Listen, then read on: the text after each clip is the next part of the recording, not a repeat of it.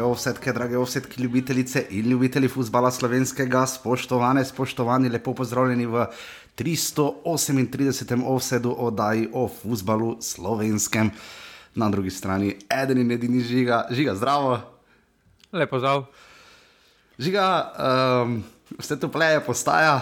Uh, Nekje pa vse bolj mrzlo. nekje pa vse bolj mrzlo. Žiga, gremo kar direkt. Imamo prvaka, kdaj sem jaz že rekel, da imamo prvaka? Po mojem, v 1. januarski oddaji sem že rekel, da imamo prvaka.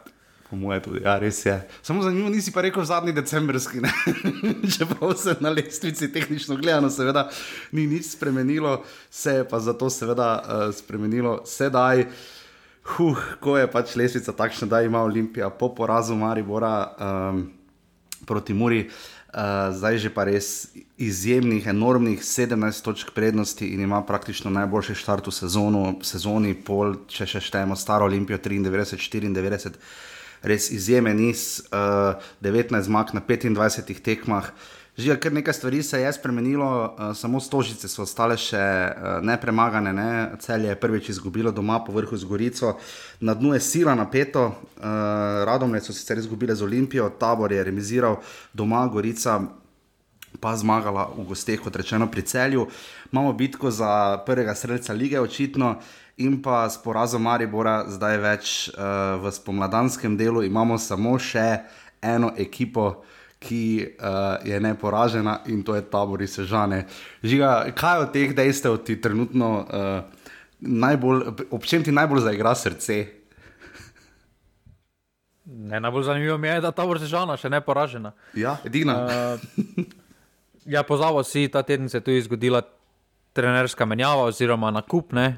Ja, seveda, pač tisto, kar smo pričakovali na koncu, je uradno. Imamo trojne menjave, smo imeli, ne pač Miren Srebrenic, seveda je ni več trener Gorice, to je postal Eduardo Reja, oziroma kratko Edi, eh, in pa seveda Bravo in Mura sta si izmenjala trenerja, Dejan Grabič je znamenjal Damira Čontalo in pa Aleš Arnold, njegov Grabičov dosedani pomočnik, ki je prevzel Bravo. Uh, tako da žiga tudi ob tem ti zaigra srce, očitno, glede na to, da je Mura zmagala.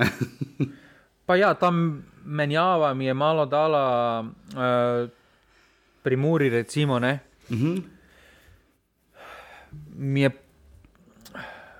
potrdila to, pač, da se ljudje zelo hitro razvadijo. Ker jaz sem malo gledal tudi za nazaj. Uh -huh. uh, Čontala, kakorkoli, ja, pa ne, ne, je imel slabe rezultate. Je mislim, da, mislim, da to njegov odhod je bolj posledica, kdo je bil njegov predhodnik, oziroma kakšne uspehe je imel predhodnik uh -huh. uh, na njegovem položaju. Po- To je podobno se je zgodilo tudi Mariboru, uh, recimo, ko smo potem po odhodu Zlatka Zahoviča, smo Bogatinova, pa zdaj tudi Šulera primerjamo z Zlatkom Zahovičem in s takšnimi posamezniki, ki so postili takšen pečat, je zelo nehvaležno nekoga primerjati. Podobno se je zgodilo tudi recimo v Unitedu, ko je uh, David Moyes prišel na mesto Fergusona. Uh -huh. uh, podobno se je zgodilo pri Arsenalu tudi. In to so, in to so vseeno neki naravni procesi v, uh, v športu, ki pač potrebujejo več časa. Ali pa recimo Ilija Stolica, Aleksandr Linta, Safet Hadžič in Zoran Barišič, Robert Pevnik, ki so recimo v roku dobrega manj kot leta dni nadomestili recimo Igorja Biščana ne, po tisti huronski sezoni Olimpije. Ja, pač uh, po nekem takem uspehu se potem ljudje bomo zmeraj ocenjevali nekoga po kaj se je zgodilo v bližnji preteklosti uh -huh. uh, z nekim predhodnikom. In, uh, in mislim, da Čantala ni tako slab trener, kot so pokazali, uh, kot je pokazala se situacija. So bili v kanalu, uh, mislim, da se pravi, cela fama okoli kluba je pač spravila uh, vse v nekakšen krč, iz katerega pač niso znali, uh, niso videli izhoda. Posledično, mis- mislim, da tudi to posledica, da je zelo mlada ekipa, kakorkoli obrnemo, zelo neizkušena ekipa v Murski soboti, ki, ker če pogledamo spet tisto preteklo ekipo, tista ekipa je skupaj gor rasla, ne? tista ekipa je dala marsikaj skozi, uh -huh. uh, uspehe, tudi poraze, grenke so doživeli skupaj, medtem ko ta ekipa pa je pač postavljena v situacijo, da pač potrebuje rezultat. Zdaj, ali je ta ekipa pripravljena na rezultat takojšen, ali ima to kvaliteto, da bo takoj pustila ta, pet, ta rezultat, za moje mnenje, ni. Kar tudi lestvica dokazuje, ne glede na to, ok, zmagali so Maribor, vse lepo in prav, ampak še zmeraj so na šestem mestu. Torej, mm. Lestvica po 25 krogih lahko rečemo, da je vseeno neki realen pokazatelj, ker vsaka ekipa je imela takšno obdobje, kot ga je imela Mura predtem. Ko smo se tudi pogovarjali, ko smo pisali, koliko tekem je Mura brez zmage. Podobno se je Mariboru zgodilo, podobno se je zgodilo Kopru, ne smemo pozabiti, podobno se je Domžalčanom zgodilo v začetku sezone. Vse te ekipe, ki so tam, so pač z razlogom na teh mestih. Uh, Zdaj to kalkuliranje, kaj bi bilo, če bi ti tekme podelali, je bilo lahko za vsako ekipo, potem tako kalkulirali, pa bi na koncu za vsako ekipo začunali, da bi bili poleg Olimpije. Ampak lestvica je takšna, kot je. Mislim, da je pod 25 krogih zelo težko reči, da kdo ni na mestih, ki mu ne pripadajo. Ja, težko. Mislim, trenutno bi še najbolj rekel, da ko so večkrat rekla, bravo, se ta prednost stopi, dobro, zdaj so ohranili uh, teh pet točk prednosti. Ne? Uh, nekako tisto varno sedmo mesto so držali v neki post zlati sredini, ampak uh, zdaj okrog njih je še relativno mirno, glede na to, da Radomne tabor in Gorica jih. Uh, Vsaj seveda v enem krogu še ne morejo prehiteti, lahko pa v dveh pogojno. Ne. Je pa res, da potem je pa zelo, zelo zgoščeno. Maribor ima 43 točk na drugem mestu, uh, Koper in Mura na 6 in 7, pa 37. Uh, žiga, kdaj misliš, da se bo prelomilo v bitki za obstanek? Smo videli, da so se klubi resno spravili zraven že v februarju in to nadaljujejo tudi v marcu.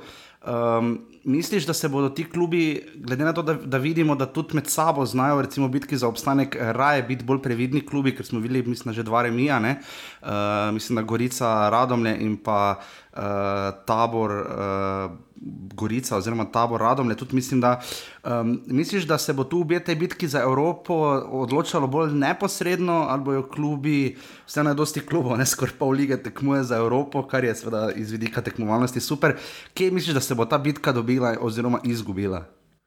Ma na malih tekmah, vse vedno se lomi na malih tekmah, uh, tako prvenstva kot ta mesta. Vidimo, da neposrednih dvojb, tako v, za Ligo, za, tako za Evropo, kot za obstanek, niso neka presenečenja, v, si bodo kar točke lepo porazdeljene, uh, ampak na teh malih tekmah uh, zdaj vidimo, recimo, koliko, uh, kako pomemben je bil uh, tisti kiks. Uh, Domžalčanov doma proti Tabor Sežani, uh -huh. ker uh, bi domžale, recimo, če bi tiste tekmo podelale, bi bile sedaj tretje, uh -huh. uh, bi bile pred celjem. In uh, tudi ta kiks, recimo celja proti Gorici in podobno, to so vseeno, uh, na rekovajih, male tekme. V katerih veš, da si boljši, ampak moraš to dokazati na igrišču. In, uh, in na takšnih tekmah se zmeraj uh, težko je pristopiti k takšnim tekmam. Uh, ko pa smo zdaj pri uvodu, pa bi še eno drugo temo obdelal. Povej spet ta izjava Grabiča, ne? pa ne zdaj kot trener Mure, ampak kot trener Brava. Uh, tudi uh, v skupini je bila ena zelo dobra analiza stila igre. Uh, Skozi do tega trenutka, ko je bil Dejan Grabič, trener Brava, uh -huh. uh, na kakšen način uh, so igrali. Uh, ne razumem, zakaj potem uh, je bila tista izjava res potrebna. Uh, o dekadenci, kdo bo hodil to gledati. Ker roko na srce, kdo bo pa hodil gledati, da se mora brani 90 minut. Mislim, jaz, jaz razumem idejo, zakaj to, pa hvala Bogu, da se je tako odločil, pa mu je prineslo rezultat. Pač na koncu so rezultati tisti, ki te obdržijo, ali pa ne. To je popolnoma jasno, igra se za rezultate na tem nivoju. Ja, ampak Darko Milo nič recimo nikoli ni rekel, mislite, da je meni fajn gledati te 1-0 tekme, ne? pač tako igramo, da se pripravljamo za Evropo, ne? vse tega ni izjavil, ne? pa verjetno mu ni bilo to fajn za gledati, verjetno je tudi sam želel drugačen nogomet. Je pa res, kot si rekel, nogomet, ki lahko prinaša rezultate in v tem primeru absolutno tudi jih. Ne? Ampak ja, ja pa se mu je, grabič, je, bravo, je prinaša rezultate. Ne? Ne, je prinašal rezultate in, in so igrali takšen stil nogometa od trenutka, ko so prišli v prvo ligo. Od trenutka, ko so prišli prvo ligo, se, samo ena tekma je bila res taka, ko si gledal, bravo, pa si si mislil, uf, to pa je tekma za pogled. Zdaj, ko, recimo tam, ko so v Šiški premagali 6-1, Ja, Olimpijo. pa uh, so res Olimpijo, pa, pa takrat enkrat mislim, da ko so tudi v Stožicah, kaj uh, Olimpijo, tudi z Olimpijo odigrali vrhunsko tekmo, mm -hmm. ne, ko so ne vem 5-0, ali koliko so zmagali mm -hmm. v predčasom. Ne. Ja, ja. Ostale, ostale tekme pa je bilo stanje za žogo, hitri prehodi, zelo dobro urejeni prehodi, kdo mora kaj pod- podelati. In to je bilo. In točno na takšen način so potem domžalčani zmagali v Šiški. Mislim, zakaj potem so potrebne take izjave? Pa to bi mogla že takrat obdelati, daleč od tega, da zdaj kaj takega, ampak takrat se je toliko z Instagrami pa temi dogajalo, da sploh nismo imeli časa.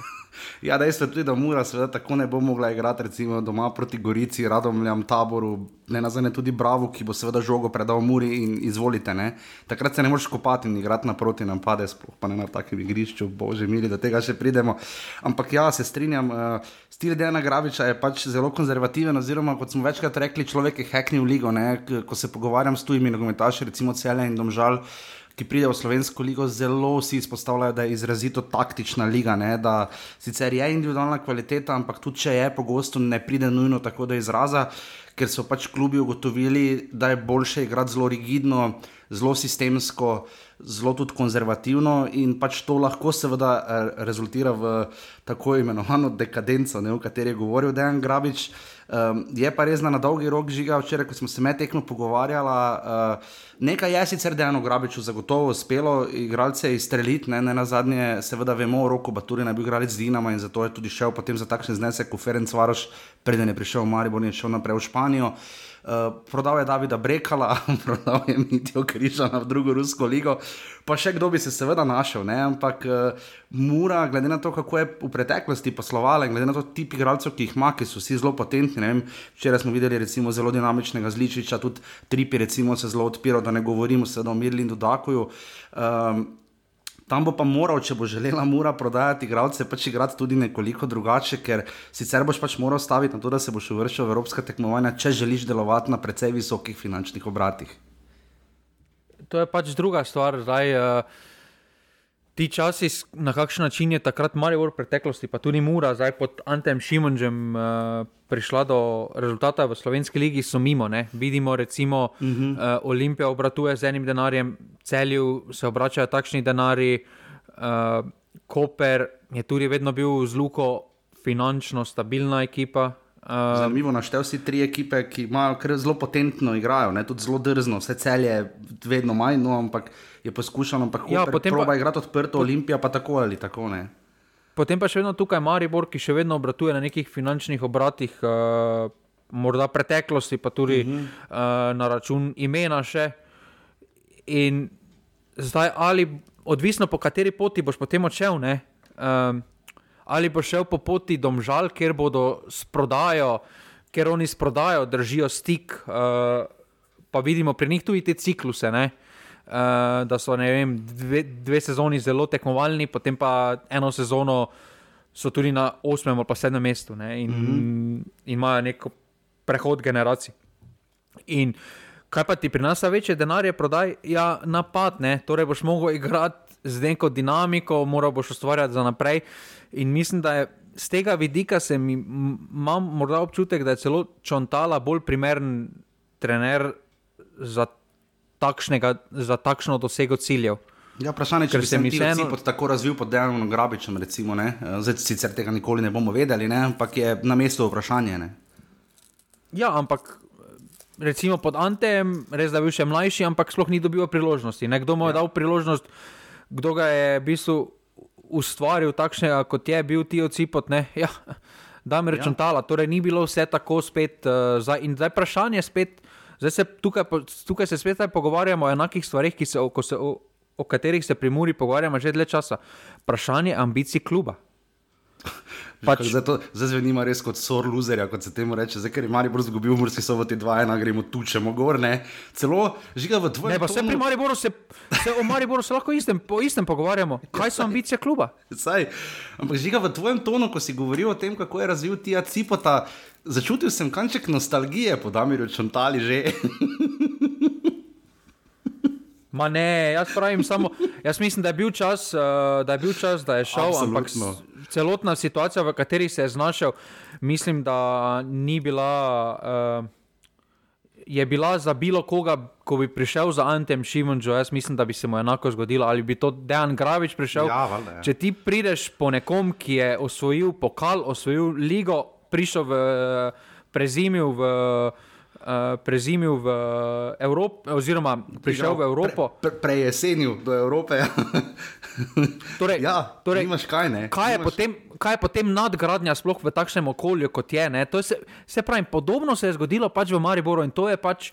Ne, celo uh, Bravo, ne, odkud je Grabič prišel, kot so zadnjič razlagali, ne, da Bravo više več praktično ni mogel priti do finala, bil soliden srednji ligaš v prvi ligi in to je to, več, više pač se ne da. Ne. Uh, in Ja, više, pač... više se da, samo mora imeti velik finančni vložek, ker ja. moraš potem korak naprej narediti. ne. Ja, se pravi, v teh gabaritih in obratih pa zagotovo ne. Žiga od tega drugega do šestega mesta, daleč je še 11 tekem je še ostalo, dve tekmi sta še nam ostali, tako ali tako še v tretji četrtini prvenstva. Uh, ampak uh, jaz mislim, da lesvica zagotovo ne bo ostala na koncu takšna, kot je sedaj, torej Maribor, cele domžale, Koper in Mura. Uh, kdo misliš, da bo šel gor, kdo bo šel dol, če bi zdaj na občutek, Maribor bo verjetno drugi, tretji. Uh, kdo misliš, da bo najbolj pritiskal za Evropo? Jaz mislim, da mora zna priti od zadaj. Bojim se, da zna Koper predvsem nizko past, da bosta pa celje domžale bila neko bitko za četrto mesto. No? Pa do- Kako si postavil ekipo, ki ima najširši kader, najbolj kvaliteten kader, poleg Olimpije, si postavil na četrto mesto? Ja, ne, skoraj vem, ne vem, zakaj imam za občutek, da se zna ura dvigniti. No? Ne vem. Ja, ja, ja, mogoče zaradi protesta navijačev v celju si dobil takšen občutek, da je celju še črno gleda. Ja, ampak prav, gledaj, ja, uh, uh, pol ducata navijačev uh, je zahtevalo pač, uh, odgovore klubske uprave in to upravičeno, po mojem mnenju, no, ker tako kot se mnenje, za moje mnenje pa ne. Ja, pa če res gledajo katastrofa. No. Zgledaš, samo kaj pa še drugo, zgleda katastrofa. Ja, ne vem, hrana, č, hrana mame, Ne, ne, ne. Ikve mesija. Ne, ne, ne. Kako izgledajo tribune, ko ne igra Maribor, Olimpija ali pa Mura v celju? ja, obupno, ja, obupno. Pa je bil za lep termin, tudi lepo vreme. Pa... Mislim, Čeprav prije zadnje Mislim- Mislim... lige, ampak ja, vseeno bi moralo biti malo Imaš- boljše. Ne? Ne razumem, kakšne imaš ambicije, ne? potem pa, ne, pol pa prideš ti, popre, kaj je na takih tekmah, kaj sem šel gledati, potem v, za nazaj poprečno okoli 400 gledalcev v celju. Ja. Ko ne, ko ne igrajo z- tri omenjeni klubi. Zdaj, če je to, to je potem spet prijemo na Riero, ko je komentiral. Uh, mislim, vseeno razumem, da ti hočeš odgovore, ne, to, ampak še vedno, kaj si pa ti naredil, da boš pomagal? Ja. Ja, 400, pe- 540 gledalcev se je zbralo na tisti prvi tekmi. Ja, se strinjam, žiga uh, v celju. Ne, smo, pl- plus, tega, plus tega, da ni dovolj v športu, da ti nabašeš skupaj tri najboljše, pa zdaj pa bo to, to je v individualnem športu. V, potem po taki logiki, ne, bi mogel Manchester City pa PSG bi, bi, bi si mogla v zadnjih petih letih razdeliti vse Champions League. Realno, absolutno, realno gledano. Ja. Po, po tej logiki. Ampak v športu ne gre čez noč. Jaz, Ja, pa sta oba zgubila v finalu lige prvakov. Ne?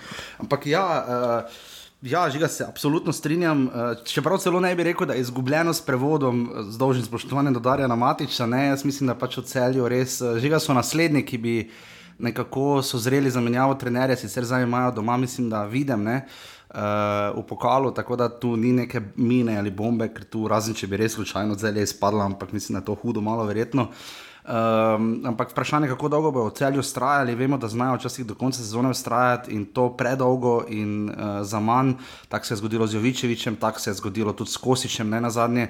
Um, že pred, recimo, se potem so bili prvaki, ampak uh, so tudi kdaj znali že Evropo zapraviti, ker so morda predolgo s čim čakali, ampak se jim je kasneje znalo to obrestovati. Um, ampak v vsakem primeru. Um, In, samo, in, in se spomniš debate o celju, ki smo imeli prejšnji teden, da hočejo preskakovati. Ja, pač korake. Ne? Kateri, kateri so bili lani oni? Pusti, kako ekipo imajo zdaj, kateri so bili lani? Če niso bili osmi ali sedmi, Osmi so bili. osmi so bili, ja. pa drugi zapored. Ja. Zdaj pa so tretji. Pusti zdaj zadnje rezultate, oziroma podobo, ki, ne, ki je trenutno res Ja, grozno. ne, ne pritiče. Ampak moraš, treba je biti realen. Ko ima celje pol obdelovala, koliko novih posameznikov v vrstah, veliko. Meni je veliko bolj nedopustno to, da si recimo igralci dovolijo izjave, zdaj če neki taki veliki projekt gradiš. Ja, imam, uh, moje, moja prva želja je, da grem, uh, da grem v tujino spet, da se preizkusim v tujini. Ja, Mislim, gradiš. gradiš. Ja. Pričemer mu ne Gre- pretirano v spomladanskem delu. Ne, zelo Ja, ampak- Pa Pilipčuk meni ne deluje kot človek, ki bi res ogromno rotiral, čeprav ravno to počne, ampak ne deluje to kot ruska roleta, čeprav Marko Cilman je tudi to že pisal. Ne, na zadnje se je tudi že z Golmani poigral, letos v sezoni pa se tudi ni obrestovalo, že jeseni. Ne. Ampak ja. Uh, Žiga, če bi moral zbrati poleg Olimpije, seveda, in poleg Olimpije, kateri trije klubi misliš, da so najbolj zreli za to, da bi v Evropi vse približno bili konkurenčni? Pač predvidevam na Maribor, ne? Zdaj, uh, zdaj kaj gremo po trenerjih ali po kadru? Po vse skupaj, če bi zdaj zgledal, kdo ima največ možnosti, da v Evropi ne izpade takoj. Ne? Čeprav vemo, da igrati za konferenčno ligo 8 tednov zapored, 4 kroge je pač brutalno, ampak koga bi zbral? Tukaj Maripor, mislim, da se je, uh, je frontrunner za to Seveda, ja. vozovnico v Evropo, ne? zdaj zaradi zgodovine kluba, trener, ambicije okolja in podobno, pritiska okolja, katerega so navajeni igrati. Uh, po kvaliteti kadra bi absolutno rekel tukaj celje, uh, prej kot uh, Koper, Uh -huh.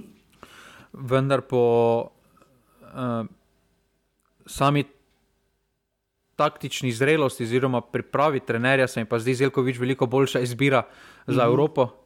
Uh, ampak na koncu so igralci tisti, ki morajo izvesti tako, da celje. Mislim, da bi tukaj veliko več pomagalo.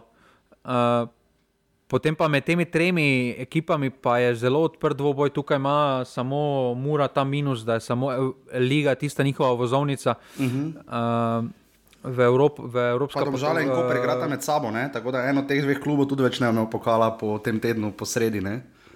Ja, in, uh, ampak, uh, ampak tukaj, kar se tiče okolja, je morda celo lažje pričakujemo, da bo Mura naredila rezultat, uh, ker se ena razlika, če igraš Evropsko tekmo pred 500 gledalci. Ali pa če igraš pred 2000 gledalci, uh, ja. ti da neki dodaten, uh, dodatno željo, dodatno ima to moči uh, mhm. več. Uh, ampak po kvaliteti mislim, da, da sta obe ekipi, tako Koper kot Domžale, trenutno pred Muro, sploh, uh, sploh ob dejstvu, da je zelo majhna verjetnost, da bo Daku ostal v kvalifikacijah za Evropo. Uh, Ja, torej, če se Mura tja mislim, da uvrsti, ja. izgubi. Če se mora tja vrstiti tako, mm. da mislim, da tukaj izgubiš preveč kvalitete, uh, ki bi jo moral nadoknaditi v napadalnem delu. Ja, Evropo sem seveda žiga omenil zato, ker uh, Olimpija bo lahko igrala v Evropi, to zdaj vemo. Ne? Uh, prišla je kazen UEFA, Olimpija mora kaj eh, znova poravnati uh, 100 tisoč evrov ali koliko ne. Zadnji opomin pred izključitvijo je Olimpija eh, dobila.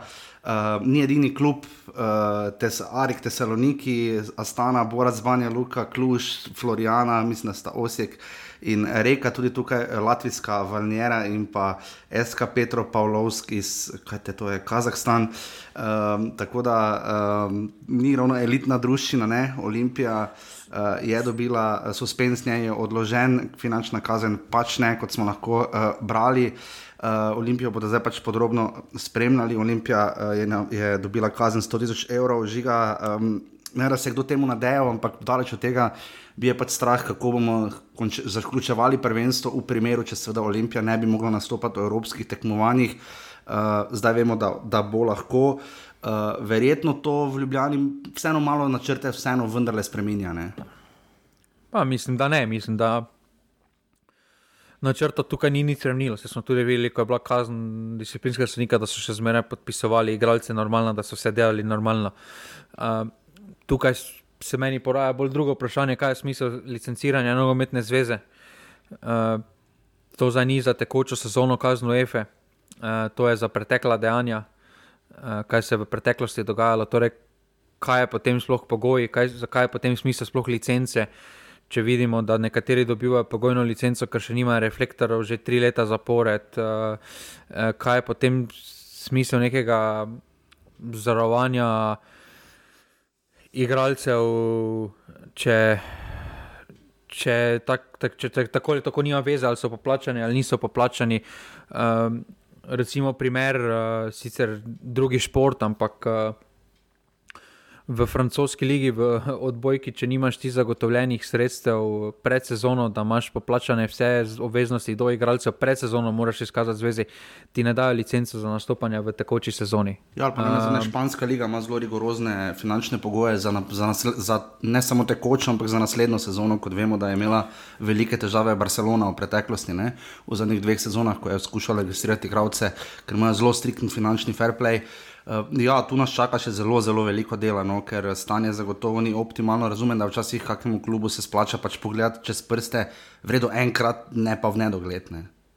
Zakaj bi se splačalo komu pogledati čez prste? Nima veze, ali je to Maribor, ali je to Olimpija, ali no, je to Mura, ali ja. je to Tabor Sežana.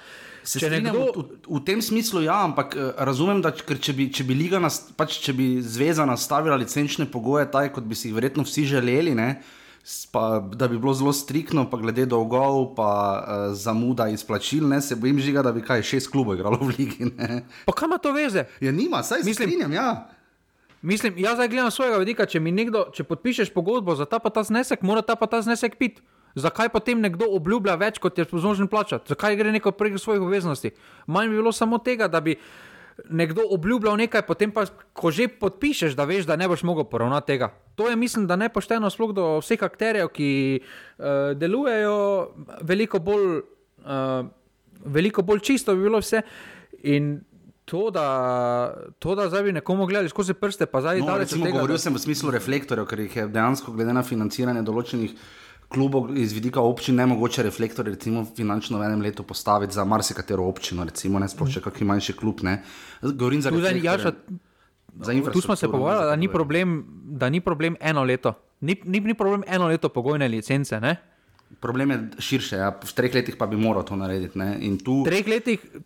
Tu pa, ja, tu pa bi morali biti bolj striktni. Mislim, mislim, po kakšni logiki potem radomlje ne dobijo niti pogojne licence, da bi igrali smešno je, ker radom ne dobijo, ne dobijo pogojne licence, tudi zato, ker recimo nimajo dovolj kapacitete za novinarjev, tudi reflektorje uh -huh. in mhm. podobno. Ne? Medtem ko pa drugi, drugi klubi lahko po tri, tri leta dobivajo, po več let dobivajo pogojno licenco za igranje na, na stadionu. Ja. Pa to, pa se, neka, imamo tudi primere, ko so se nekateri klubi morali seliti od Dravograda do Murske sobote, vse posod. Ja. Imamo tudi take primere. In, je, in tu se meni, pol pa tako prijemo na infrastrukturo, zakaj je smisel, da obnavljamo zelenice, če potem jih ne znamo zdrževati.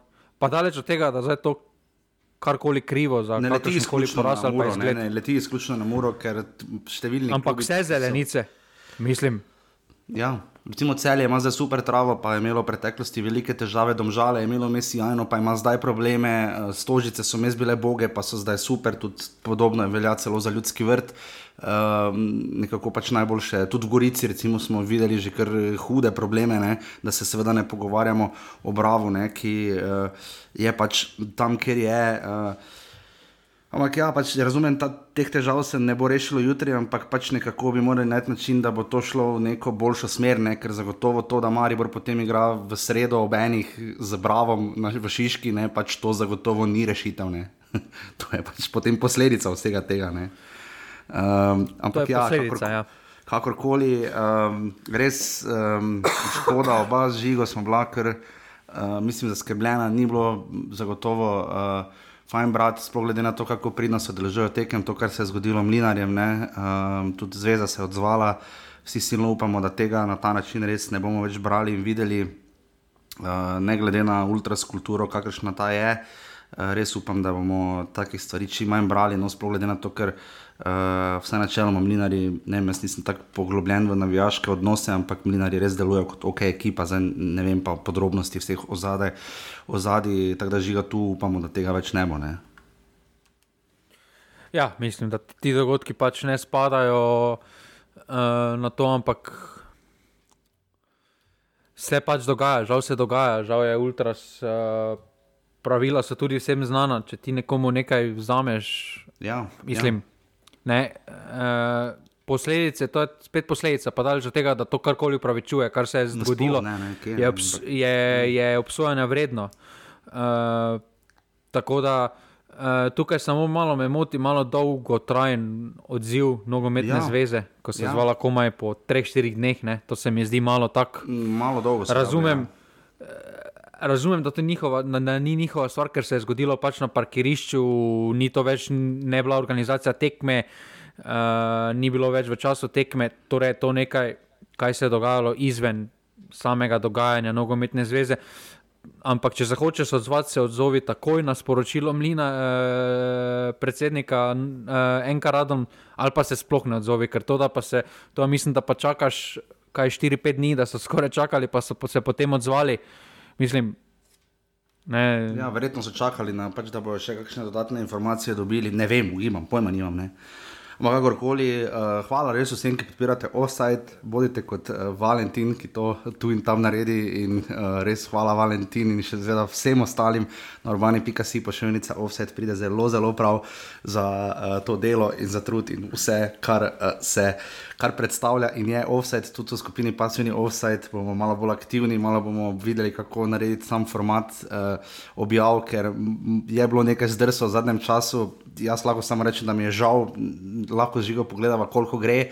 Je pa pač namenjena skupina, da se da lahko uh, prosto se objavlja, ne nimamo naprej, da bi morali preverjati, lahko tudi to enkrat vklopimo, če bi zadeve res eskalirale. Ampak ja, za nekatere imamo, ne? za nekatere, Za smo nekatere več- smo že dali, ja, ampak uh, ker bi res radi, da je to, da ni tista klasična, fuj, kak ste vi grdi, Maribor šampion, Olimpija, najboljša mura do neba in podobno. Ne? Uh, to še gre, dokler ne gre pač v sfero žaljivk, ampak res upamo, da bo skupina super, ker načeloma se tam res imamo včasih zelo, zelo fajn in bi radi, da, da je tako tudi še v bodoče. Ja, nič mi, da pa gremo zdaj v drobove 25. kroga prve lige Telemach.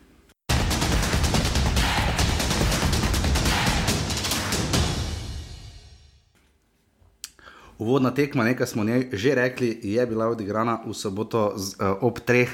Uh, lepo vreme, ne sicer posod, ampak malo se je skisalo vreme, ampak se mi zdi, da je za, za futbol spet glih počakalo in je malo spominjalo na tisti krok izpred uh, uh, dveh tednov, ne, ko ko je bil tudi derbi v Ljudskem vrtu. Uh, Cel je Gorica, nič proti ena, kot rečeno, 540 gledalcev se je zbralo. Na tekmi, kjer, eh, kaj ne rečemo, trije koti niso penal, pa niti ne gol, ne, oziroma na koncu ti dobiš gol. Celje je imelo naštudirano te kote, o bože mili, ne, um, Zec, Vukliševič, uh, uh, res tudi Zec, potem še enkrat, uh, trije koti, eh, mislim, vsakeč Denis Popovič, skoraj da asistent, uh, ampak nikakor ni šlo v gol. Um, še tisto, kar je potem, recimo, Karničnik, potem je priložnost, je Dajčar, ki je zdaj dobival priložnost na mesto Uroša Likarja v Golu Gorice, lepo obranil. Um, Izvedeli smo, da se, hvala Marku Cirmanu, da se Ikvo Emesi redi, ker mu mama kuha. to je tudi bila uh, ena izmed uh, presežkov, oziroma eden izmed biserov tega tedna. Uh, očitno Edi Re- Reja, efekt, šok terapija je za oba kluba, uh, v bistvu za vse tri klube, noben ni izgubil tekme ne, v tem krogu, uh, delovala, na koncu nič proti ena, gol po kotu. Um, Zadev je, uh, kako je že Lukas Stankovski, ne, v 49 minuti po malo odbijanja žoge, tisto, kar je celje želelo storiti Gorici, in na koncu Gorica storila celju. Uh, in to je bilo to ne, na tekmi, kjer uh, res. Uh, Tudi videli smo tam hudo napako uh, Luka Samačaka, ne, uh, ko je Vukliševič zadnji hip reševal, pa Cerovec je potem še celo zadev štango. Tako da žiga tekma, kjer definitivno niso pričakovali, mislim, da noben ni pričakoval takega rezultata. Ne. Ja, definitivno. Presenečenje kroga bi se lahko temu reklo, mm -hmm. glede na dosedanje rezultate ene in druge ekipe. Mm, se je pričakovalo to, vendar se mi zdi, da celje je uh, preveč brezidejno v napadu, uh, nimajo ideje, kako, uh, kako priti do, uh, do nasprotnikovega gola, ker tudi pretek v zadnjih krogih se jim ponavlja eno in isto, da priložnosti si ustvarjajo samo preko prekinitev praktično. Uh -huh. uh, in, uh, in tukaj so v krizi, krizi igre, absolutno mislim, da kažejo premalo, glede na to, vendar po drugi strani je treba pač upoštevati, um, da samo v začetni postavi proti Gorici je bilo pet zimskih novincev. Ja. Uh, krati ne, na, na terenu. Torej, kaj se pa, pa IQMS, recimo, doslej ni sploh začenjal tekem. Ne? Mhm. Torej, rečemo, rečemo šest obrazov, ki niso zdaj v uh, zimskem planu, oziroma do tega niti niso bili v, zadnje, v prvem planu, pet zagotovo, plus IQMS. Uh, in, in vse skupaj potrebuje malo več časa. Tudi kar bo je manj igral, potem ga je menil Janičič, ki tudi ni dosti igral še spomladi, ne se ni nam padal fejst učin. Ja. Sploh na koncu tekme, jaz sem gledal zadnjih 15 minut, tam je enkrat Denis Popovič, ko se je res, res trudil, žoga všla v avto, krat je odigral celo tekmo, potem ko je recimo v ljudskem vrtu igral samo en polčas. Um, mu je res žoga šla v avto, človek se je vrgel na tla in začel točiti tako silno besen, ne? kar je potem recimo tudi ponovil še Marijo Kvesič za Olimpijo, ampak on se je odrešil. Popovič ni vse dobra stvar, je ta, da mu je prekleto mar, ne? ampak prejšnji teden smo že že razlagali, da je med redkimi, če ne celo edini, vse, ki bi tako opazno mu bilo mar, da bi pač tolkel z roko po tleh v zbesen in zaripe ulica. Um, tu vidimo, da pač cel je res nepovezano, veliko menjav je v sami postavi, enkrat eni, enkrat drugi, enkrat vrbanec začenja in je v bistvu osrednje ime, poleg popoviča na sredini, pol ga sploh ni, ne vem, pač bizarno, včasih malo to deluje. No? Jaz mislim, da točno to ubija tudi ritem ekipe, eh, da se ne, da se ne uspejo sestaviti, ker kaj je v športu uh, ključ do nekih uspehov, uh, dolgoročnih. Ja, kontinuiteta mora biti prisotna. In, mm -hmm. uh, in tukaj to, ta ruleta, ki se jo res igra, trener, že v jesenskem delu, mislim, da so izgubili marsikatero točko na račun tega, uh, ker je pač enkrat en igral, drugič drug, pa malo ta, pa malo on. To vse pliva na ekipo. Mislim, da uh, sploh, pa, sploh pa zelo težko počenjaš rotacije, takšne, ki se, ki se grejo v celju, ko ni rezultata. Ko je rezultat, to kar recimo ima Olimpija, boš absolutno lažje nekoga vključil, enega ali pa dva posameznika v neki ritem. To, kar je tudi Rera zelo dobro počenjal jeseni, ko je uh, dal komu ko smo tudi videli, kakšno, ro, kakšno rotacijo, ne rošado. Uh -huh. uh, ampak je to dal, da je širok kader, ampak je to širok ob rezultatih. In takrat je samozavest celotnega kadra veliko večja, veliko lažje vstopi nekdo noter, kot pa v, v trenutni situaciji, kot je celje. Uh, ker je sploh po takšni tekmi, ki so imeli v Mariboru, ne razumem, zakaj takšne potrebne rotacije. Uh, ne razumem potem tudi, recimo, zakaj Bajde odlično odigra priprave, zdaj pa ne vidi terena, uh, oziroma stopa kot menjava. Ja. Uh, in, oziroma, tudi proti Muri je zelo solidno odigral, uh, ne smemo pozabiti tisti prvi krok. Mm. Uh,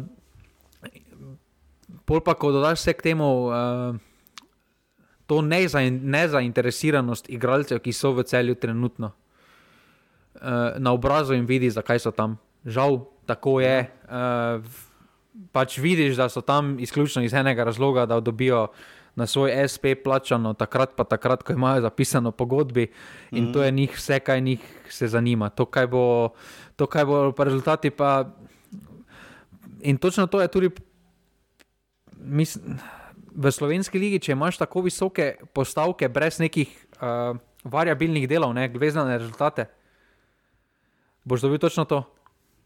In, ja. in, in zato jaz tudi takšne izjave, kot jih je dal Lauro Bizjak, recimo, ne, to je, jaz bi kot klub jaz to ukrepal. Zdaj ne vem, če so ali niso, jaz bi ga kaznoval. Uh, mislim, da si igralec kluba ne sme dovoliti takšne izjave, sploh pa če se lotiš takšnega projekta, kot se ga grejo v celju. Ja, ker je vseeno dovolj resno, ni to zdaj ena mini pauzica, pa gremo naprej. Ampak ja, definitivno žiga na drugi strani. Floren Debenjak je dal na koncu tudi izjavo, zelo je bil seveda vesel. Uh, koliko je tu efekt Edija Reje, 77-letni strokovnjak, seveda zelo, zelo cenjen. Uh, večkrat se ga je omenjalo, tudi ko se je iskalo novega selektorja Slovenije. To se seveda nikoli uh, ni uh, obrestovalo, nekdanji seveda nogometaš uh, sredine igrišča, uh, ki je pa vodil, uh, če bi našteval vse klube, ki jih je vodil, bi tudi jutri sedeli. Uh, vodil je tudi ne za ne Hajduk, vodil je Napoli, kar štiri leta, ne, uh, bil je.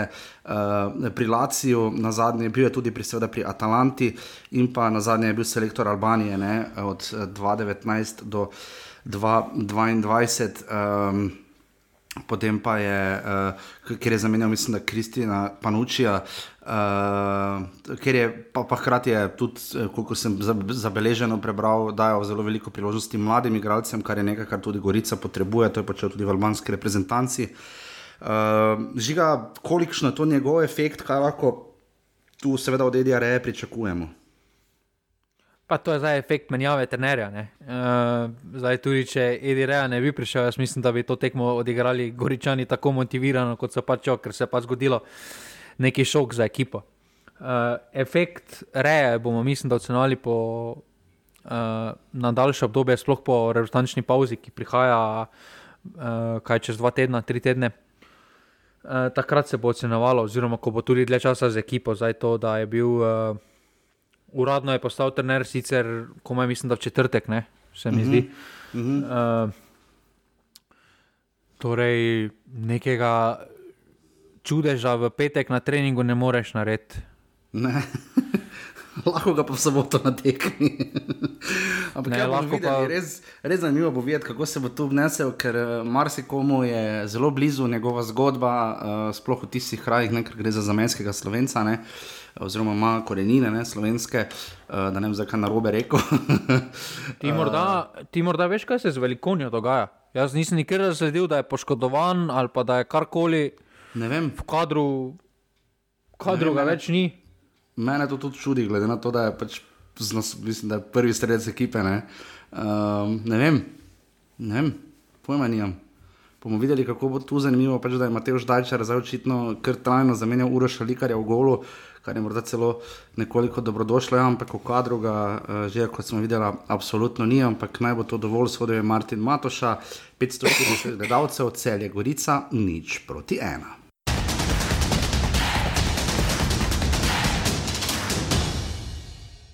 In smo na tekmi z najkrajšimi highlightsi v letošnjem spomladanskem delu. 4 minute in pol, res da manjka izjava na koperski strani, mislim, da trenerska. Uh, jo je pa dal seveda Simon Rožman, videli smo kar nekaj posnetkov. Mimo grede, tisto med polčasom statistiko v highlightsu si je zaslužila zgolj tekma Olimpija, Radomlje, ta v domžalah je ni dobila.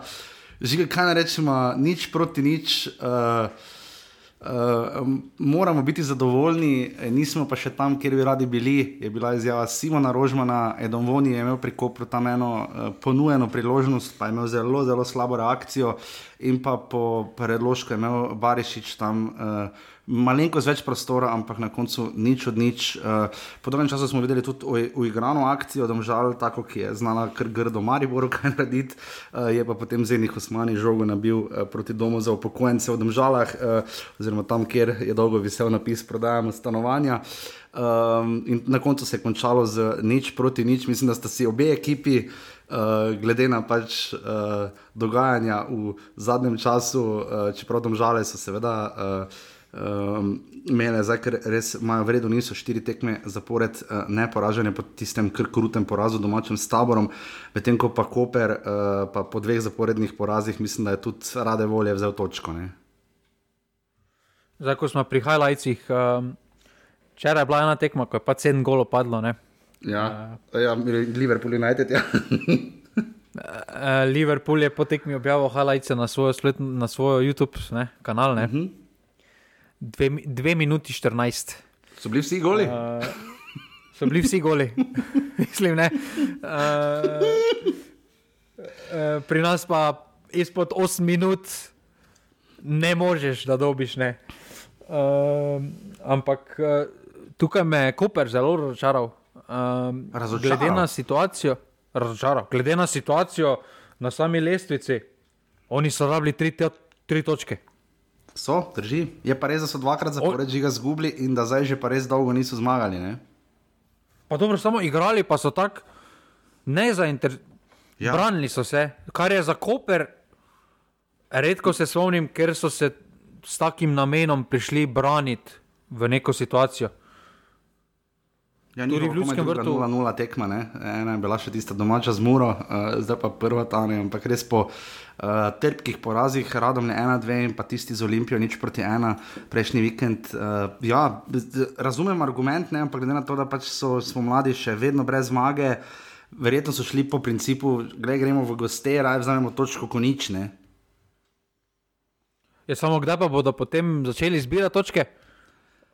Ja, ne vem, zdaj imajo doma celje, pa še pokal imajo z domžalami, očitno ni v redu, kadar, pokal, kadar se liga pa pokal skoraj da pokrivata, oziroma se dvoboj ponavlja. Ponavadi ena tekma ima zelo dosti golov, se bojim, da bo to ta v pokalu, uh, druga pa ponavadi niti ne, ne. pokalna tekma bo že jutri, v torek, ko preigra doma proti domžalam. Uh, Ja, se mi zdi, da bo tisto zelo bolj napeto, jaz se pohvalim, da več kar veselim. Uh, Tako da žiga, ne vem, uh, ne vem, kdaj bo nastopil čas, po drugi strani pa domžale bi tu lahko ravno zavrtale, noter v Koper, vzele še dve točki zraven in pač šle še, mislim, še bolj napadle evropska mesta. Ne? Ko gledaš te domžale, zdaj v zadnjem obdobju, se moram prav prepričati, da vem, kdo je na klopi. Ker kako izgledajo na kako izgledajo na terenu, ne bi pripisal temu trenerju.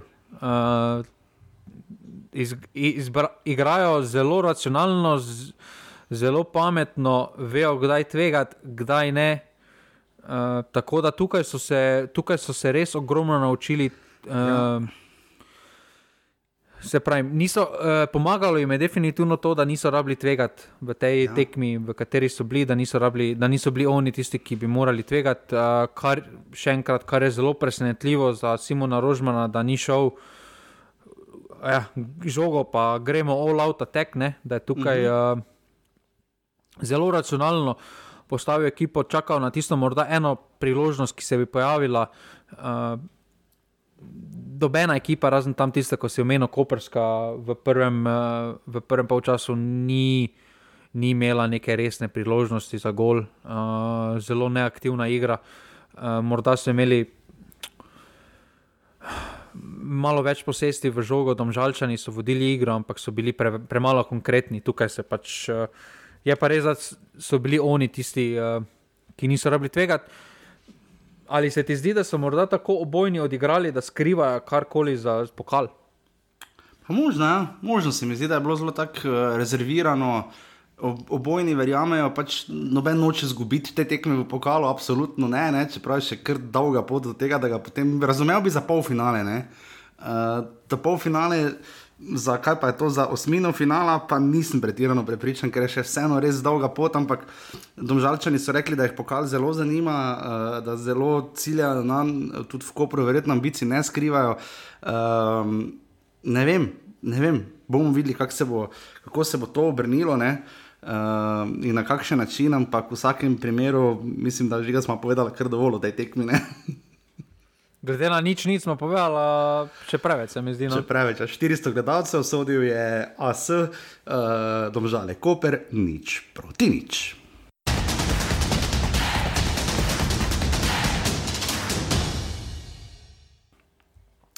In smo na tretji uh, večerni tekmi v Stožicah. Te večerne tekme so pravzaprav redke, mislim, da smo videli samo dve do sedaj. Uh, znova Olimpija igrala v tem večernem terminu, kot tudi prejšnji teden proti Kopru. 900 gledalcev se je zbralo v Stožicah, imate se do nizke cifre. Mlinari so bili tudi na tekmi, kot so bili seveda Green Dragonsi. Uh, Alen Bubek je sodil, uh, v prvem polčasu je tam Marijo Kvesič.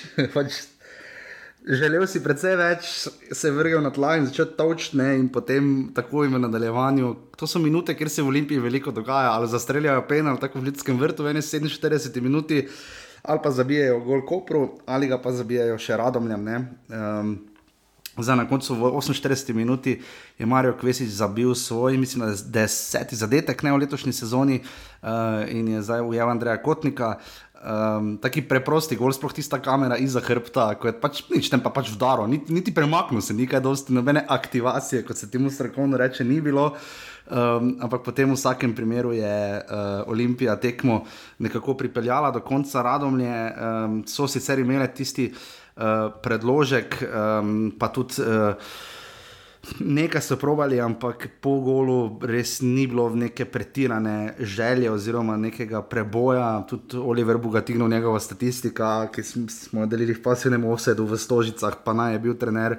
Bodi si Mure, tiste prejšnje, eh, bodi si trener Aluminija, bodi si zdaj trener še Radomel, uh, definitivno ni vredno statistika. Um, tam je imel krefl strel, pa je velič obranil uh, odbitek pri uh, Elšniku. Uh, ne vem, pač tam, ko je Kvesič seveda zabil, tudi prečko je zadeval, mislim, na Kvesič, ne, pa Sešljar je imel epsko priložnost, pa ni dolgola. Tako da žiga na koncu, um, taka klasična olimpija, radom le tekmo v stožicah. Ne. Pa nima veze, kako priješ do zmag v tem obdobju. Uh, važno je, da priješ do njih. In tukaj je Olimpija pač. So mladi, ne blesti za igro, ampak uh, so pa zelo stabilni v rezultatih in to je edino, kar je važno. Uh, kar se tiče same tekme, je imela Olimpija zelo lepo priložnost, v prvem času celo lepša kot pa Kvesič, ko je tam skoraj skopal lukno. Uh, Rui, uh, Rui Pedro, tam z glavo. Uh -huh, uh, uh -huh. Potem pa, ko so gol dali, uh, tam je radomljen na pre, prenaiven način, mislim, na tako ja. lahek način v kazenskem prostoru, nekdo pride do žoge, drug odbitek. Ne. Absolutno prelahek način. Uh, in, uh, in potem, če je bila Olimpija malo bolj zbrana, pa sem, sem dobil občutek, tudi če ne bi bila tako egoistična v samih zaključkih tekem, uh, akcij, da bi lahko povišala in bolj mirno pripeljala tekmo do konca, čeprav Radomljani realno niso imeli sploh nekih priložnosti skozi samo ne. tekmo. Rezultat sicer kaže, da so, bili, da, so bili, da so blizu, ampak uh, sama situacija na terenu. Uh, Ni, ni puščala dvoma, se pa je en smešen dogodek zgodil na tekmi, ne, ko je sodnik sicer spet ni nič plival, ampak je postavil meter pa pol ali pa dva metra še bolj stran, prosti živi zid, ne, eh, radom. Mislim, prvi ligi sodiš, pa ne znaš, pa se zmotiš za. Tako, Zdaj, odkar, se to, odkar se to meri, eh, znova tudi pri nas, uh, zadnjič je nekdo postavil preblizu zid, ne, ampak dobro, pač se, ne, razumem, tako ono pol metra še ajde v redu, ne, pač pet, pol metra, pol metra, pa že to ni malo, ne, ampak tisto je pa zgledalo, res, res, res. res. res res, res, res narove, Alen Bubek ne, je bil uh, sodnik na tej tekmi. Uh, ampak ja, niso pa radom je zagotovo razpadle, to je bil njihov komaj prvi poraz um, v tem delu sezone, torej v spomladanskem delu. Um, nekaj, na kar vseeno lahko čestitamo Oliveru Bogatinu, hkrati tudi to, da niso razpadli, ker vemo, da uh, Nerminu Bašiču so tekme znane tudi zelo, zelo spozetne. Uh, Uh, na koncu pa pač Olimpija, ki je torej ni izmedlo to, da je tekmo zdaj tokrat vodil Pablo Remon Arteta, ne? pomočnik Alberta Riere, ki je suspendiran, še vedno pa ne vemo, za kako dolgo žigane. Ja, samo vse pol um, svoje napovedi, pa se to prenese na novinarsko konferenco. Tako da tako je, tako nima vpliva ta suspens, ker potem pametuje na novinarskih konferencah, selektorju, uh, ja. publiki vsem praktično. Ne? Žiga, tudi, ali jaš krefl, ne? vložil, je, vložil je kandidaturo, kandidaturo za selektorja, rad bi se pogovarjal z nogometno zvezo, zakaj bo dobil kazen. Mislim, pa kaj je to resnično že šel pizda. Res je človek odprt za komunikacijo, oziroma človek bi se res rad pogovarjal, veliko se tudi že zdaj naučil in pa že ga realno, ali jaš krefl, jaz mislim, da si zaslužiš poklic. še pol sezone smo igrali, nekaj dosti. Glej, to, jaz bom rekel samo to. Ne. Erik Janža ne, igra v tujini, ne, polski ja. ligi. Uh, pa ni bil na spisku, ne, zdaj pa, ker so oni prvi, pa mora biti Aljaš Krefl, ker se je Sikošek poškodoval, mora on biti v Franciji. Mislim, mm. razumem trenutno je res v dobrej formi, ne me napak razumeti. Ja, super, res v dobrej formi. Igra, tudi na derbi je bil en, en redki, čeprav ga tam res vi potnik prešprinta. Mislim, vi, vi pole prileto tam, ampak ja, ni, ni, ni tu, ni, ni, ni, ni, ni. mislim, da ne. No. Ampak jaz ne razumem, ne razumem, s kakšno pravico si ti dovoliš selektorju pometovati. Ne, ne, nima veze, ali je to uh, pomočnik Maribora, ko je za vi potnika povedal, ali je to Albert Riera, s kako pravico imaš ti pametovati selektorju, kaj naj on v svoji službi dela. Ali bilo kdo od trenerjev pove Albertu Rieri, tega pa tega, da igrati. Ja. Ali, ali pa ta mora biti, ali pa mislim. Razumem, ja, recimo, keke sem samo namignil, recimo jeseni, ne, da recimo Sikošek pač ima boljše predstave, bolj dominantne je imel takrat v reprezentanci kot v klubu, ampak je zelo spoštljivo recimo govoril o Mariboru. Ne. Ja, ampak tisto je povedal kot selektor, je samo povedal, da ko je govoril o rotantih, je povedal, da bo moral rešiti svoj status. Mm -hmm. ne? Da je Ja, ja, je po njegovem mnenju premalo, ampak on, to je njegova skrb, on je selektor. Ne moreš pa ti selektorju govoriti, koga naj gleda. Se pa, je, se pa ima svojo bazo podatkov, svoje analitike. Uh, pogledal je tekme tako Olimpije, ima vseh slovenskih klubov, če je opazil koga, ok. Mislim, ne razumem pa, zakaj bi kdorkoli čutil potrebo, da ne. Pa tudi, pa še enkrat, nima veze, ali je to za Vipotnika, rekel pomočnik Maribora ali pa za Ljaža Krefla. Ja, ja, se strinjam. Absolutno. Gre se za to, da selektor, selektor je tisti, ki bo nosil odgovornost rezultatov, torej bo tudi on sam poklical po svoji vesti in ne rabi dobenega, in ima on svoj strokovni kader, ki mu bo svetoval. Albert Riera, pa koliko vem, ni v tem strokovnem kadru, niti Mikič iz Maribora ni v njegovem strokovnem kadru. Ja. That's all. Drži. Devet so gledalcev, torej v Stožicah, Olimpija, Radomlje, ena proti nič.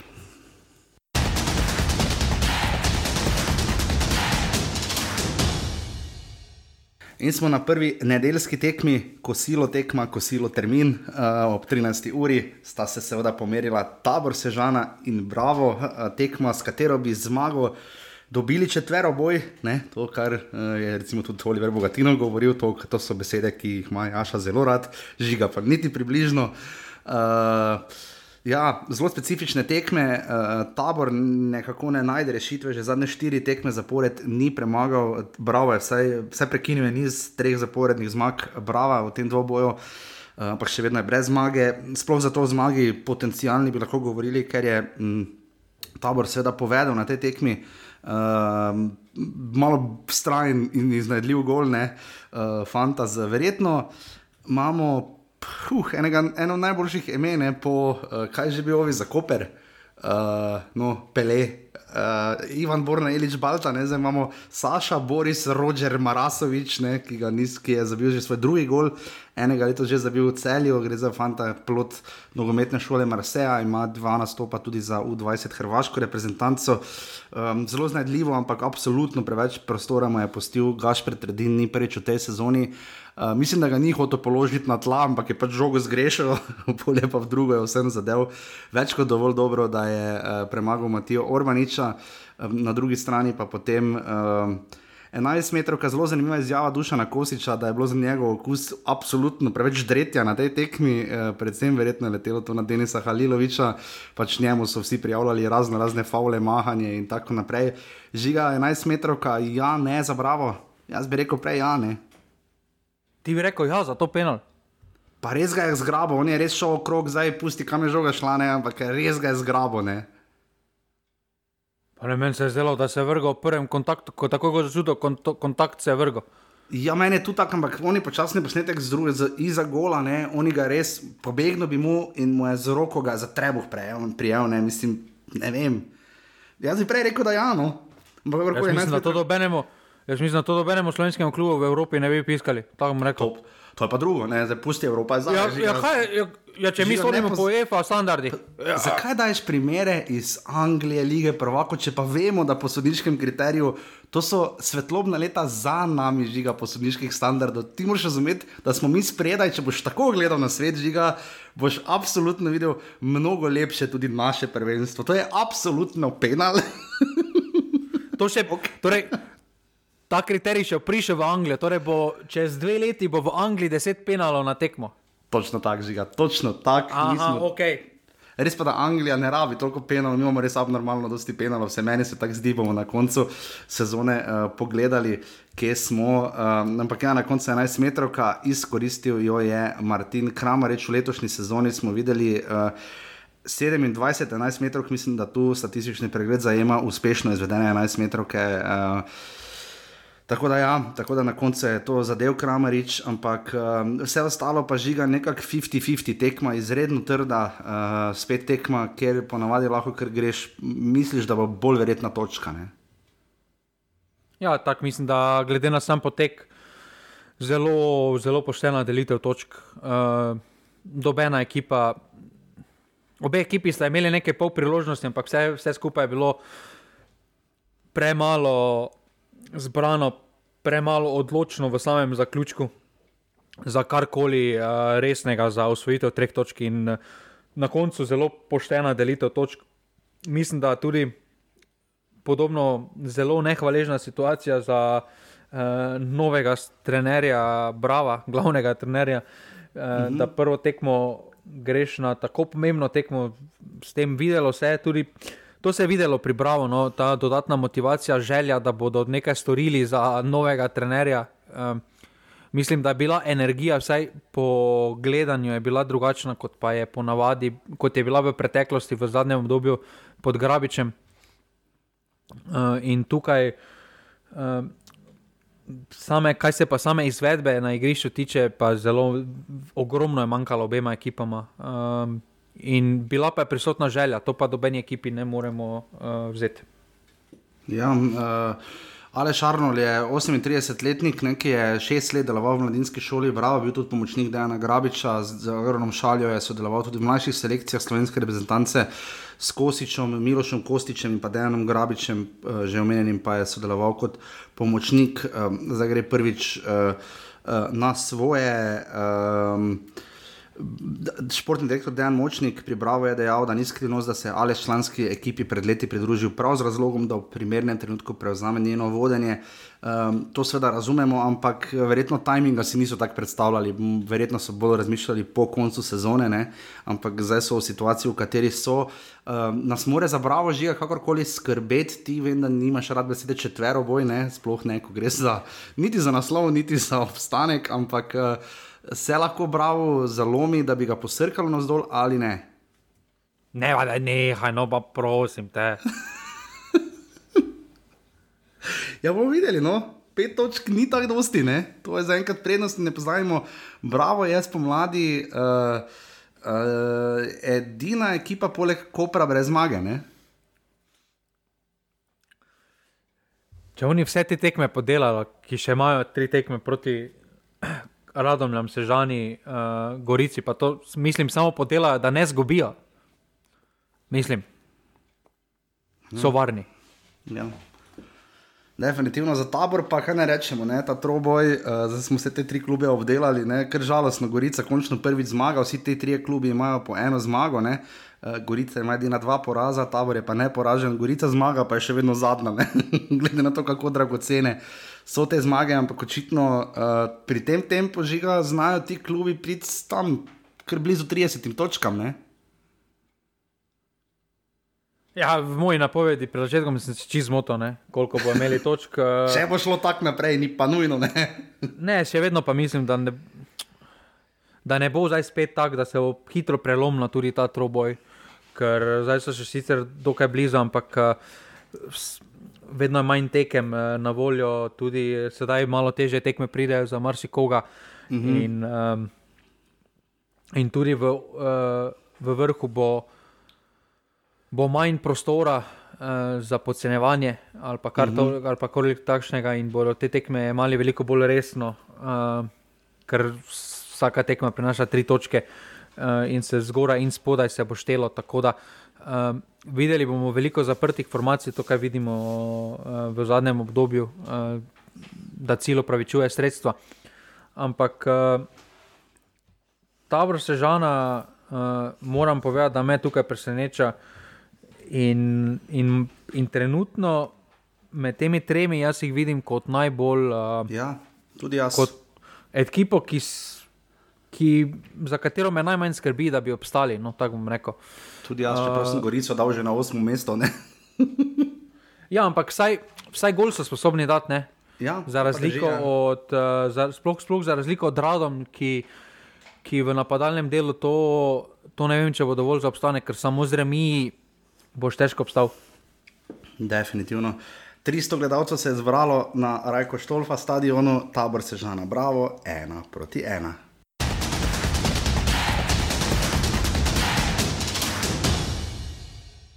In smo še na zadnji tekmi, na koncu legitimnem derbiju kroga, tako je tudi deloval. 3550 gledalcev se je zbralo na Fazneriji, nekaj prostora je bilo uh, še uh, za severnim golom. Um, fajn vzdušje, no, se mi zdi vsaj nadaljavo, uh, meni še vedno včasih kaj prepreči, uh, kakšna noga in podobno, da bi šel pozdraviti Smiljana, ki je bil po mojem zelo razočaran, da ni bilo mene tam.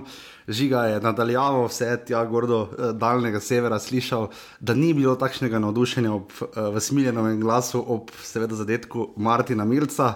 Uh, za ena proti ena, ampak tako ali tako je že do polčasa te tekme Maribora, očitno se odločijo do polčasa, tudi če Maribor zgubi, uh, čeprav dobro, tista dožala je bila malo izjema, ampak na koncu Mirlin Dako je zabil dva zadetka, uh, sploh tisti drugi je res dobro sunil z glavo, um, Mariborska obramba ni bila na nivoju kot vse skupaj. Maribor je letos uh, dvakrat zapored premagal Muro, uh, delovalo je, da mu Mura zelo leži, ampak očitno je ležal Čontala, ki nikoli ni premagal Maribora, ko je bil na klopi Mure. Uh, Dejan Grabeč pa je kar debitiral um, za zmago proti Violičastim, uh, Črno-Beli so. Pač, kot je že rekel, že v vodoma, uh, bili rahlo bolj okopani, čakali na svoje priložnosti uh, in jih več kot izkoriščali, ker jim je tudi Maribor absolutno veliko ponujal. Um, v 20 minuti po podaji Tripija uh, je Dako utekel in spravil žogo mimo juga, absolutno preveč prostora. Potem Josi Pilečič na silo. Da bi nekako spravil nek strel proti golu, ni šlo, odbitek, Martin Milec zvito. Malo mejna situacija, no tam je Vipotnik res stal pred žogo, žiga je bil tisto, vse tam ne. Ni bil Watson. Mislim, da je bil Vipotnik. Mislim, da je bil Watson, ki je bil Obsajdu, ko se. Uh, zdaj mi tako več ni več jasno. Uh, takrat, lani na začetku spomladanskega dela, je bil en gol v Kopra, v celju, priznan, če se spomniš, Uh -huh. uh, pa ga je še sodnik na terenu, po poklicu, po posredovanju Vara, ga je priznal, da ni bilo posredovanje. Uh, in je potem Čeferin, takrat če vodaji, povedal, da bi moral biti gol razveljavljen. Uh, potem je bila situacija Kopra v Mariboru, Mariboru kjer je se igralec, se igralec umaknil žogi, ko je dejansko umaknil žogi, uh, pa je bil gol priznan. Pa zdaj je bil gol priznan, sicer zdaj za razliko je vsaj igralec stal, ampak to za mene, jaz bom tako rekel, mislim, da jaz ne razumem več pravil, pač ni mi več jasno. Ker, uh, je tako, kot sem jaz včasih razumel, je to offside. Ne? To je za mene Oziroma, vplivanje vpli, na igro. Vplivanje na igro, ja. To, to je za mene vplivanje na igro, po drugi strani pa so vsaj dosledni. Ja. Uh, pa so vsaj dosledni, uh, kar se tiče dosojanja. Moramo reči, da so nek tekme, ne, moj bivši tolminski šmarčan, tam razen tiste tam na koncu, ko bi res moral videti udarec, eh, ki ga je prejel Karič eh, v obraz, do tiste situacije, ki je bila že res globoko proti koncu tekme, je kar vredno od soda, ne, uh, pusta malo bolj trdo. Ni, mislim, pusta trdo igro. No prvi, prvi polčas je bil en kriterij, drugi polčas je bil drugi. To pa, ja, to pa to, tak, tak, rekel, je pa menil vmes, ne, ker recimo tisto, kar je pustil vi potniku, ko je šel proti golu in ni dosodil faula, potem pa Dakoju pa je dopiskal faul, ko je Watson bil zelo v težavah. Ne, uh, tu pa je spremenil kriterij znotraj tekme, to pa ni bilo. Ket vse popravljam, moja napaka, uh, ampak tako ali tako mislim, da to ni presodilo tekme. Um, žiga, Mura je bila ok, držala se je na vodil, to je bilo vidno, prišli so z načrtom, definitivno ne s šablono, o kateri je govoril Damir Čontala pred tednom dni. Um, ampak mislim, da je bila to tekma, ker je predvsem pa nič zmanjševati treh točk, mure, bog ne daj. Ampak mislim, da je to bila tekma, kjer je Marijo res igral uh, zelo, zelo slabo, predvsem na individualni ravni, ker sistemsko je še nekako bila zadeva postavljena in zastavljena. Ne. Videlo se je, da vejo približno, kaj mi je verjetno krzno pred tekmo rekel, ne. ampak izvedba je bila pa, pač res uborna. No. Ja, želja je bila prisotna, uh, absolutno ogromna in, uh, in to je tudi prevagalo uh, tehnico. Uh, imeli so načrt, izpolnili so ga, ampak so z borbo prisi, prisilili Maribor, uh, uh, v, tudi Maribor je pripomogel k temu, ampak so prisilili, uh, da so te druge žoge pobirali. Mm -hmm. Zelo veliko napak, bili. res so blizu stali, pa trdo. Ne? In so Maribor res koliko zgrešenih žog, tudi Milec je med počasom rekel, koliko napak. Ne?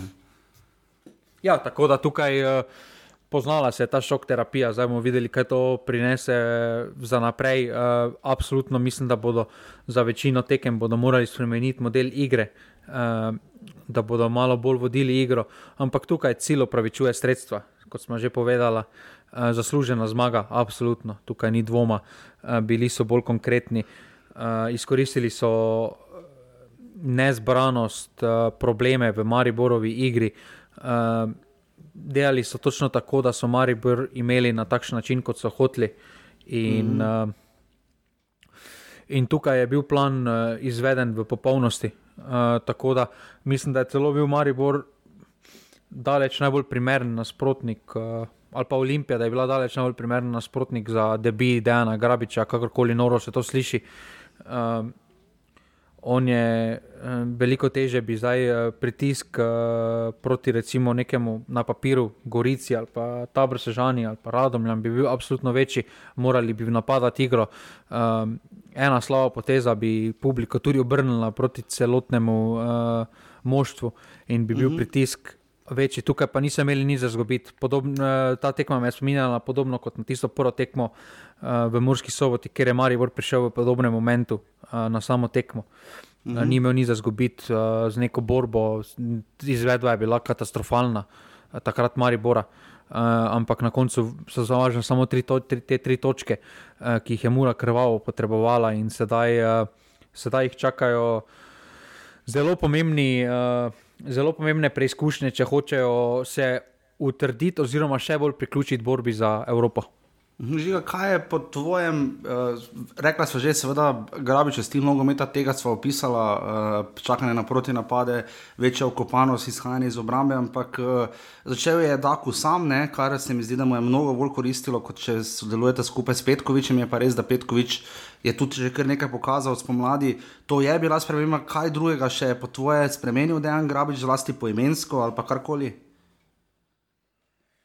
Pa morda je tukaj. Uh želja, želja, želja katerega igralca je bila malo večja, da se dokaže, da je eh, neki nov začetek. Tukaj, eh, sploh na primeru, recimo Klepača, se mi je zdelo, da je malo zgubljen, da več ni vedel, uh, uh -huh. kaj pa kako. In tukaj je pač dobil novo priložnost, da se lahko dokaže trenerju, uh, kar jo je izkoristil, mislim, da kako je odigral. Uh, ampak. Uh, tudi s Tripjem uh, so dobili, ki na zadnji tekmi ni igral, se meni zdi, če se ne spomnim, uh -huh. uh, če se prav spomnim, zaradi poškodbe. So dobili pač tudi enega, uh, ki jim je morda na prejšnjih tekmah manjkal, nekega potentnega, ki, bo, ki bi iskal z globino. Uh, Dako, ja, Dako pa se na tem odprtem prostoru, ki ga je Maribor pušča, absolutno preveliko, uh, zelo dobro znašel. Ta tekma, zdaj pa če se obrnemo na Maribor, ta tekma je meni pokazala samo. Uh, še vedno uh, manjko v ekipi, ker na takšni tekmi pač potrebuješ nekega centralnega, defenzivnega ja. vezista, ki bo ki puca, malo ne. bolj, uh, ki puca po domače povedano. ja. Tukaj pa Maribor tega ni imel, Repas, Antolin sta zelo ja, dobro odigrala uh, do tega trenutka, vendar še vedno. Rabiš neko alternativo. Tu me presenetilo, me je, da Krezijo ni bil niti na klopi, ki ja, morda ima te karakteristike. Ja. Uh -huh uh, ampak kot kaže, na treningih ni pokazal dovolj. Uh, je pa po drugi strani tudi, uh, kako je Marijo zgledal uh, v prvem času, mi je bilo zelo. Presenečen sem bil, da so tako pozne menjave bile, sploh nekaterih členov. Sploh uh, Iličiča, recimo, si... ki pač vidno imel slab dan. Iličič je imel zelo katastrofalen dan, uh, pa tudi. Uh, Gveriko, jaz ne razumem, Jezus kaj Christus. si on sploh zaslužil, da dokonča tekmo. Jo, jo, jo, jo, jo. Ob dejstvu, ob dejstvu, ko imaš rešitev znotraj kadra, da lahko pač kariča preprosto premakneš. Ja, na levo pa ne. Ali pa na levo, ne. Ker... Ali, pa, ali pa stremi zadaj igraš, karkoli narediš, ne samo pač menjaj ga. ker tam karič, eh, karič, eh, Gveriko sta imela celotno tekmo ogromne probleme v ja. razčiščevanju situacij na svoji levi strani Mariborove mm. brambe in je. Eh, prevelika vrzel je to pot, uh, bila tam. Uh, uh, sicer Maribor si preko same igre ni nekaj ustvarjal, tam morda uh, v začetku drugega časa, če bi zadev uh, Brni, če bi tista šlovca Tive noter, uh -huh. bi mhm. se lahko tekma prelomila drugače, ampak potem uh, so samo z neko nervozo uh, povečevali uh, svoje napake, ki jih je bilo absolutno preveč, ne samo nima, pa nima veze, ali proti Muri igraš, ali proti Tabor Sežani, ali pa Gorici na vse zadnje. Uh, takšnih napak si na takšnem nivoju ne smeš dovoliti, toliko preprosto oddanih žog uh, napačno. Uh, in posledica je zaslužen poraz.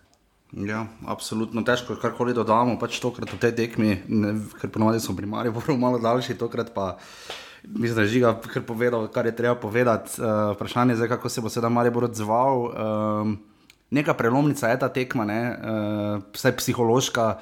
Nekako vedno ta pritisk na Olimpijo od zadaj, pa upajočne, ampak zdaj, ko pa je 17 točk razlike, pa uh, žiga, koliko to spremeni v smislu priprave na zadnji del sezone, oziroma te zadnje tri mesece, marec, april, maj.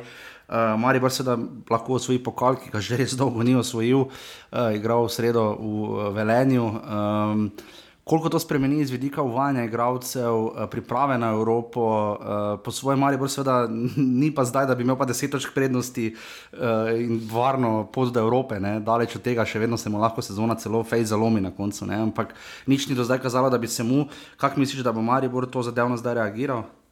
A mislim, da to da ne spremenja nekaj da ja, sicer uh, govorili so nekaj drugega pred začetkom, pred začetkom spomladanskega dela, ampak realno se je vedelo, pač, da bo zelo težko. Tudi če, tudi če, si, tudi če ima Rebor vse tekme v spomladanskem delu zmagal, še vedno ne bi bil, odvisen samo od, samo od sebe. Ja. Uh, in, In tukaj si moral biti res face nor, da si še vedno imel neko realno upanje uh, za naslov. Uh, po točkah, bolje bilo realno upanje v stilu, pomembno biti drugi, ker ne vemo, kakšna bo kazno Efe. To se mi je zdelo bolj ja. realno. Ja. Uh, neko, ampak mislim, da prvotna želja uh, spomladanskega Maripora je uh, uvrstitev v Evropo preko lige in uh, poskusiti osvojiti pokal, ki tudi Lovorika, ki jo Maribor lovori že predolgo časa in je tudi mhm. prej premalo resno je imel v preteklosti. Mislim, da pa sedaj situacija ne dovoli uh, takšnega jemanja pokala z levo roko.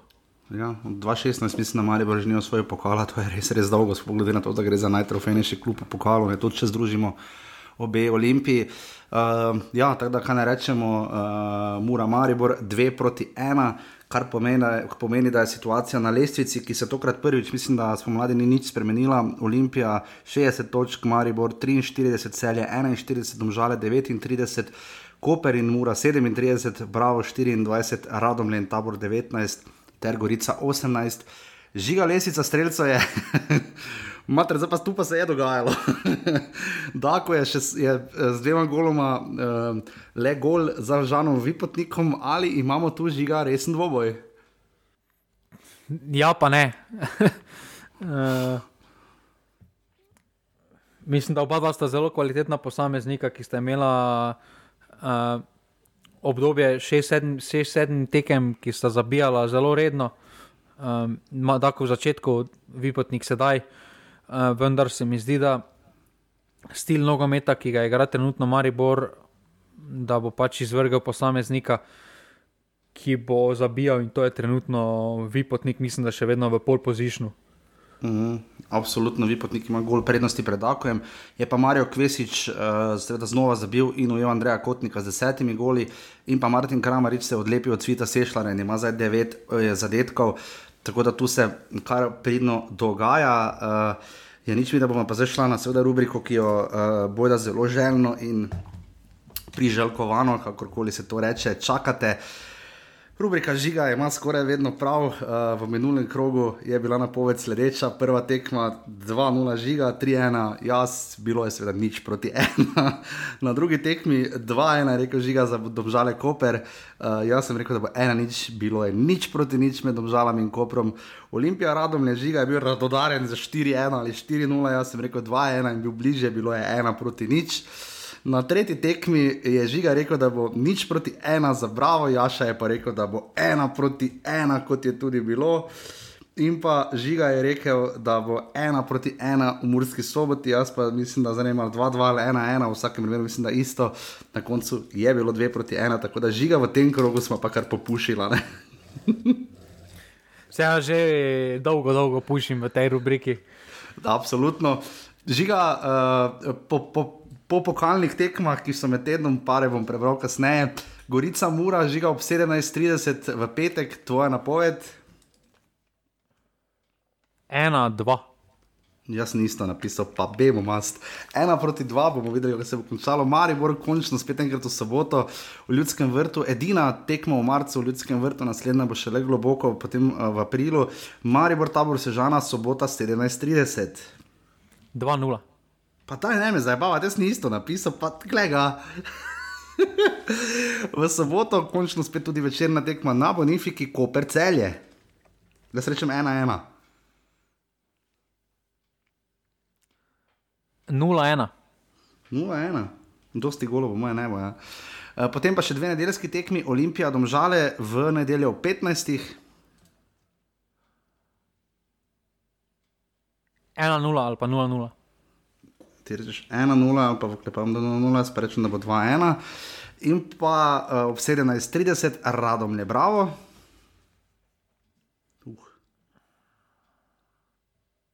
1-1. 1-1, pa rečem 0-0. Tako, uh, dolžni smo seveda pare pokala, ki se začne že jutri, če se to poslušate takoj v ponedeljek. Uh, tri tekme so v torek, kar štiri tekme v sredo in ena v četrtek, za, odprla bosta Primorje in Zavrč, to sta kaj drugo in tretje ligaš. Potem celje vidim, eh, v torek ob 16, eh, ob 18 boste igrala Koper in Domžale, potem pa sredine tekme ob 14 uri žiga zelo zanimiva tekma je tabor Sežana Rogaška. Ne? Ja, vse so že. Uh, Drugi ligači so začeli, pa so bili kar presenetljivi rezultati. Ja, tudi ja, gremo, rudar, velenje, Maribor ob 15, v sredo ob 16, uh, pokal favoriti Aluminij Fužinar in potem ob 18 uh, v Lendavi nafta Olimpija. Ter v četrtek edina tekma in še zadnja v, tem, v tej osmini finala, uh, Impol, Keti Impol Bistrica Bravo 14:30. Uh, Medtem ko pa jaz žiga že omenil drugo ligo, že ga bomo videli, ta pokal bo kar pester, pričakuješ kakšne 11 metrovke? Ja, pričakujem, vsaj ene, če ne dvojne. Ja, no, to, uh, super, to imamo radi. Uh, pogledamo tekmovanje, uh, vodilnima dvema ni šlo v redu ob začetku sezone v drugi ligi. Uh, namreč uh, v petek je že Aluminij doma remiziral z rodarjem 2 proti 2, medtem ko pa je rogaška popolnoma podbacila in izgubila nič proti 2 doma proti Brinju. Uh, Krka pa prav tako izgubila proti Fužinarju 1 proti 2. Tako da imamo zdaj kar pestro situacijo in sicer, da so seveda um, vsi trije na vrhu, niso zmagali, Ilirija pa je, ne? tako da zdaj imamo razmerje 43 točk, ima rogaška, 40 jih ima aluminij. Krka jih ima 37 in uh, Ilirija 35. Žiga, misliš, da se lahko tukaj zaplete, začelo se je še le, ne, ampak uh, zna biti kar pestro, v drugi ligi je seveda 30 krogov, 11 tekem še do konca, marsikaj se še lahko zgodi. Pa tukaj ima aluminij idealno priložnost, da malo zakomplicira uh, uh -huh. življenje v rogaškem, ampak uh, so v zaključku tekme dobili tudi gol ne, za 2 proti 2. Uh, res škoda, no, da bi bilo malo bolj odprto, ker zdaj še vedno 4 točke, kar je še zmeraj dve tekmi, uh, pa več ne igrajo med sabo. Torej, uh, moral si počakati na neke kikse, rogaške, ki pa se je zgodil, pa ga ti nisi izkoristil.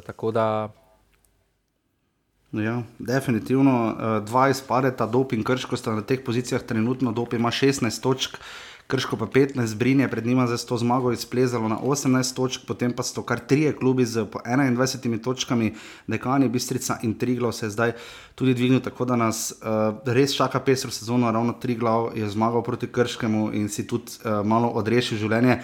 Očitno se res v drugi ligi zgodi, ker konkreten preobrat, ne, ko se enkrat zgodi zima, tako da bomo absolutno spremljali tudi uh, dogajanje, kako bo sedaj, torej drugo ligaši, ki igrajo v pokalu, so rogaška aluminij. Uh, potem nafta, uh, primorje, fužinar, rudar, uh, bistrica in to je to. Uh, naši na tujem žiga, uh, če sem prav videl, je še škoda, hetrik. V sedmih minutah, ja sedmih minutah, ja, to so tudi v skupini delili, uh, Rapid Salzburg 2 proti 4, uh, eh, vstopil je pa v drugem polčasu in dal v sedmih minutah.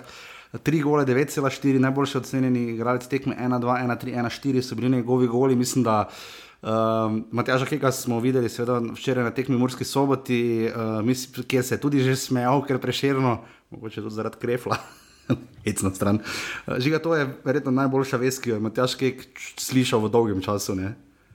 Ja, eh, mislim, da v pravem času je prišel priložnost, spet je začutil uh, igro. Uh, zadetke, dvignil si je samo zavest. Tako da tu so res zvezde, kot kaže, naklonjene. E, pa tudi pozitivno je z vidika slovenske reprezentance, da je na isti tekmi Dejan Petrovič po dolgem uh, času, po dolgi trajni poškodbi, dobil ponovno priložnost za igro.